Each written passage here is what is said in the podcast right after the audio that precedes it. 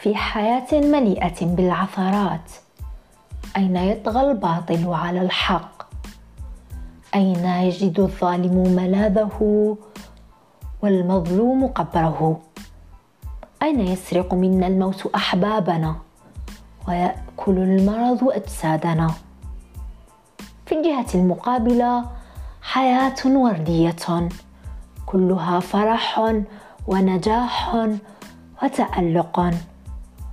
أين تجمعنا الضحكات وتربطنا الذكريات الجميلة؟ أين يجد المرء نفسه ويحقق أمنياته؟ بين الأسود والأبيض لتظهر الفروق وتوضع النقاط على الحروف. علينا أن نتحدث. لهذا سأكون أنا منار وهذا بودكاست عندما أتحدث.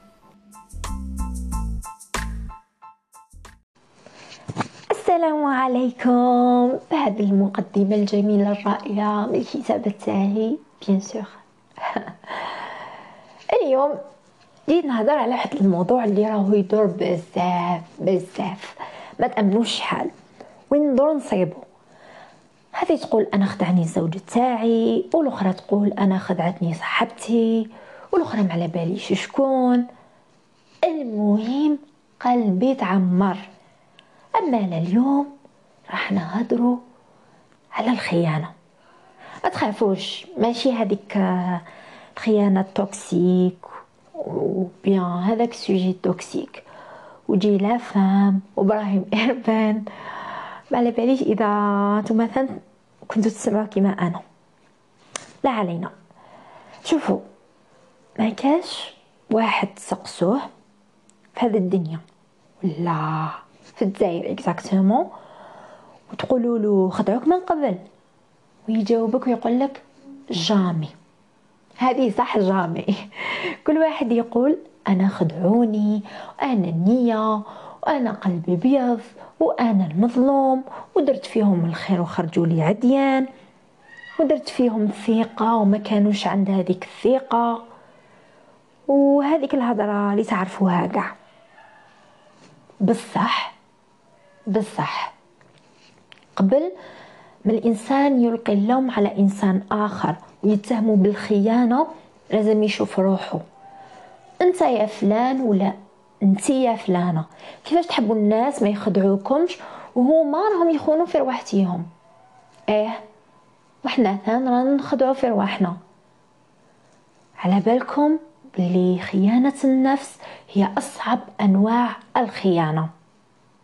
تخيل برك أنك تدير ثقة عمياء في روحك. تبدأ ترسم في المخططات وتحسن في النتائج.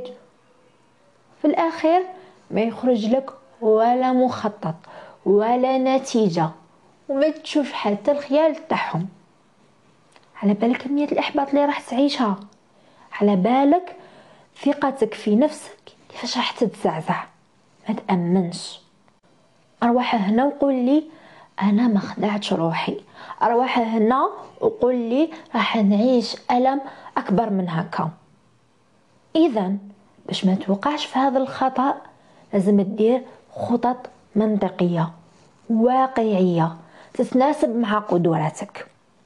على بالي بلي قدرات الإنسان غير محدودة لكن تكون مخفية وتحتاج للتطوير. يعني الواحد يطلع درجة درجة. ماشي يشوف سما مباشرة. ماشي انت موالف تنوض على 12 وقت الفطور الشمس تحرق الله الله. ومن بعد في الليل تقول والله غدوه نوض على خمسة تاع الصباح. وهي الشمس تكون مازال ما طلعتش ميم با.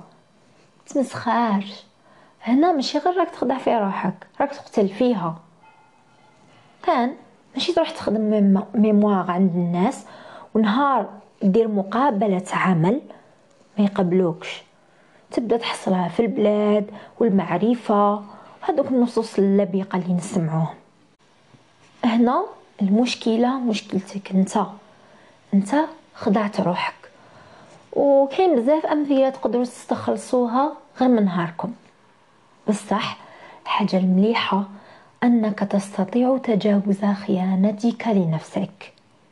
كل إنسان يلملم شتاته بنفسه يطبطب على نفسه ويداوي جروحه بنفسه. ومن خيانتك لنفسك تتعلم أن كل إنسان خطاء وكل إنسان يعد منبعا للخيانة. فلا تستغرب ولا تنزعج ولا تفطر قلبك من أجل إنسان خوان حتى لنفسه. وكاين نوع آخر من الخيانة حبيت نهضر عليه. اللي هو كتخونك صحتك. نهار طيح بيك وتمرض. بالك ماشي أنا الشخص المناسب لي يهضر في هذه الحاجة. بصح عشت جانب صغير منه. آه لمدة ثلاث سنوات وأنا أقيم في غرفة لوحدي في الإقامة الجامعية. نهار نمرض صدقوني ولا غير كاس الماء نشتاقو. حبة تاع الدواء بعيدة عليا متر ونص ما نقدرش نوض نجيبها. ثم نعرف انه صحتي خانتني. أنا في مقتبل العمر والصح يحكمني بكا هذه غير أنا راني في العشرينيات. مازال ما شفت والو في الدنيا. فما بالك بإنسان طاعن في السن لعام كامل مريض ويتألم. ربي شافي كل واحد كبير في السن ويجعله في ميزان حسناته. ناس بكري قالك لا يحوج اليمنى لليسرى وصح نهار تخدعك صحتك تولي تستنى الناس ترفدك. وهذا الناس تحس روحها راهي دير فيك مزية.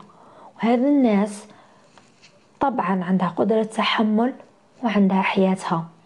ومن حقهم على كل حال. وهم أحرار. وهنا تقول يا نرفد روحي بروحي يا ربي يرفد آمانته ولا هاد الحالة. من كامل واش هدرت؟ حبيت نحق لكم إنه ما كاش أصعب من خيانة النفس. إنك تكون راسم روحك على هيئة شخص تخرج شخص آخر تماما. إنك تكون تعتمد على نفسك وفجأة نفسك لم تعد قادرة على تلبية حاجياتك. تخزرش للناس. الناس تروح وتجي والطريق اللي جابت لنا واحد تجيب عشرة كما هو. الخيانة طبع الإنسان. لا أبرر لزوج لا أبرر لصديق لا أبرر لقريب كل هذا عنده حل. أصعب الحلول هو الفراق الهجر الابتعاد. ما رانيش نصور الخيانة على أنها شيء عادي. لكن راني نقول لكم تخلوهاش تأثر فيكم حتى وين تفقدوا الرغبة في الحياة. من حقكم تشكيو من حقكم يضركم قلبكم من حقكم تبكيو من حقكم تحاسبوا الطرف الآخر.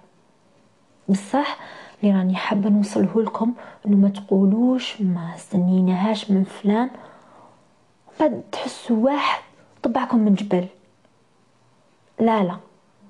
كل إنسان خائن بطبعه لكن درجة الخيانة تختلف.